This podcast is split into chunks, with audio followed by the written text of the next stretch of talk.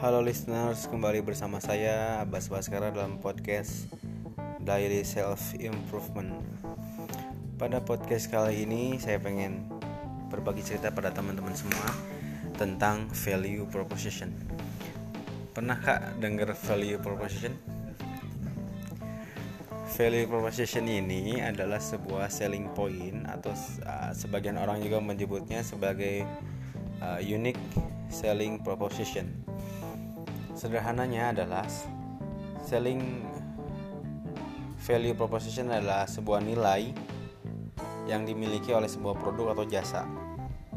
Apa yang menjadikan konsumen atau pengguna user itu mau memilih satu produk atau jasa dibandingkan dengan kompetitor lainnya, dibandingkan dengan uh, distributor atau produsen lainnya. Contoh lainnya atau misalkan di dunia kerja value proposition itu bisa diartikan sebagai apa sih bedanya kita diri kita dengan karyawan lain.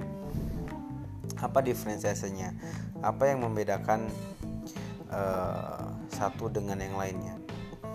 Nah kita sangat perlu memiliki value proposition baik sebagai seorang yang bekerja di sebuah perusahaan ataupun sebagai seorang business owner yang menjalankan sebuah bisnis dan memasarkannya ke market.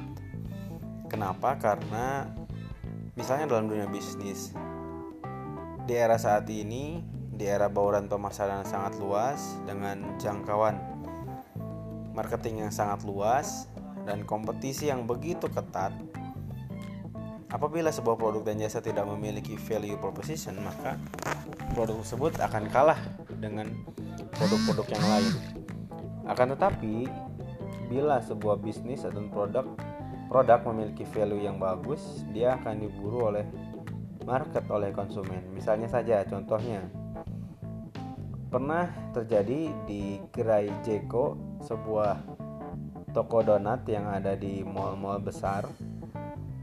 Konsumen atau pembeli donat ini sampai antri rela berjam-jam antri mengekor hanya untuk membeli sebuah donat apa sih yang bikin Jeko ini lebih diminati dibandingkan Dunkin Donuts ya kan? Dunkin Donuts. Ataupun apa yang membedakan Jeko ini diminati lebih banyak oleh market dibandingkan donat madu? Nah yang membedakan ini tentu adalah value propositionnya. Nah maukah teman-teman semua sebagai business owner memiliki sebuah produk dan jasa yang menjadikan orang-orang mengantri rela antri-antri mengular panjang demi membeli produk kita. Tentu mau. Gimana caranya? Miliki value proposition. Contohnya lagi. Contoh kedua saya berikan contoh misalnya dalam dunia e-commerce. Kita tahu bahwa e-commerce terbesar di Indonesia nomor satu adalah Tokopedia. Kedua Bukalapak. Tidak lama dari hadirnya Tokopedia dan Bukalapak hadir satu e-commerce baru yang namanya Shopee di awal-awal Shopee ini pendatang baru yang hanya memiliki user atau uh, pengguna aplikasinya masih relatif sedikit. Tapi dengan kemampuannya menghadirkan sebuah program promo yaitu flash sale di mana flash sale Shopee lebih banyak yaitu tiga kali dalam satu hari dibandingkan flash sale Tokopedia. Ternyata program ini menjadikan Shopee merebut market yang dimiliki oleh Tokopedia dan Bukalapak sehingga dia menyusul di angka ketiga e-commerce yang paling banyak digunakan di Indonesia. Nah, untuk contoh Shopee ini value proposition dia adalah dia punya event marketing yang menarik di mata market sehingga market ikut uh, menggunakan Shopee. Contoh ketiga misalnya ini contoh sederhana banget, contoh sederhana banget tapi penting buat kita mengetahui apa sih jenis-jenis dari value proposition. Misalnya, kita ketahui bahwa ada ada warung makan nasi namanya warteg.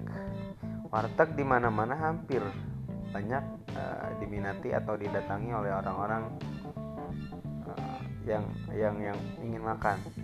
Karena warteg punya value proposition yaitu harganya murah. Nah, jadi seorang business owner apabila ingin menarik dan memikat hati pelanggan bisa juga menggunakan value proposition berupa harga yang murah. Itu akan menarik perhatian market. Itu value proposition dalam sebuah bisnis. Kemudian apa sih value proposition sebagai value proposition sebagai kita sebagai seorang karyawan, sebagai seorang profesional yang bisa memberikan uh, perform terbaik buat kantor dan lain hal. Saya akan bahas ini, saya akan sharing hal ini sedikit demi sedikit tentang value proposition. Ke depannya akan saya bahas tentang bagaimana kita menjadi seorang person yang memiliki value, bagaimana kita menjadi karyawan yang memiliki value, dan bagaimana kita sebagai seorang profesional yang juga memiliki value yang bagus, value yang menjadikan kita dicari oleh orang-orang. Oke, demikian uh, podcast dari saya boleh teman-teman uh, komentar mengenai podcast ini dan request uh, sharing apa yang mungkin bisa saya bagi pada teman-teman semua. thank you